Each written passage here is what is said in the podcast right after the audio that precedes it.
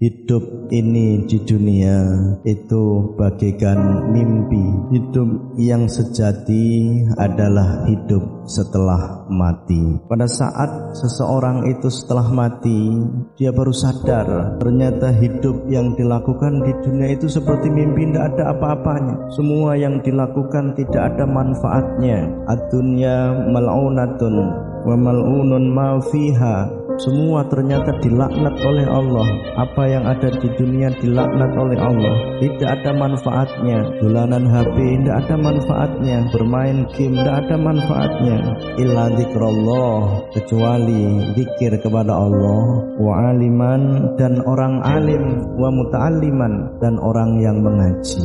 Illa zikrullah wa mawalaha. Semua apa yang kita lakukan harus di dalam rangka untuk menyempurnakan ingat kepada Allah, menyempurnakan zikir kepada Allah, sesuatu yang diniatkan untuk menyempurnakan zikir, maka dia diridhoi oleh Allah. Wa aliman dan orang alim, maka jadilah orang alim, engkau akan diridhoi oleh Allah. Wa muta'alliman jadilah orang yang mengaji, jadilah santri. Tiga hal inilah yang diridhoi oleh Allah. Oleh sebab itu, di dalam rangka untuk mendapatkan ridhonya Allah maka sempurnakanlah zikir. Pada saat kita makan niati untuk menyempurnakan ingat kepada Allah. Pada saat kita minum pada saat kita olahraga niati untuk menjadikan diri kita sehat.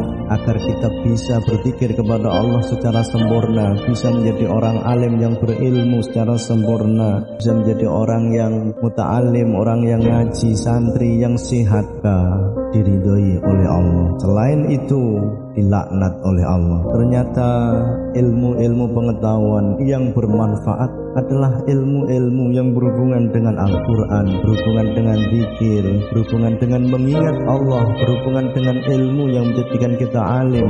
Selain itu, tidak ada manfaatnya. Oleh sebab itu, mala yatim wajib illa bihi fawa wajibun. Sesuatu yang wajib tidak bisa sempurna dengan sesuatu itu, maka keberadaan sesuatu itu hukumnya menjadi wajib. Besok kita akan sadar bahwa ternyata doa kita, wiridan kita, sujud kita, sholat kita, pengetahuan kita, menghafalkan ilmu yang di dalam rangka untuk zikir kepada Allah, menghafalkan alfiyah, menghafalkan amsilat itulah yang bermanfaat, yang sangat bermanfaat besok di akhirat nanti.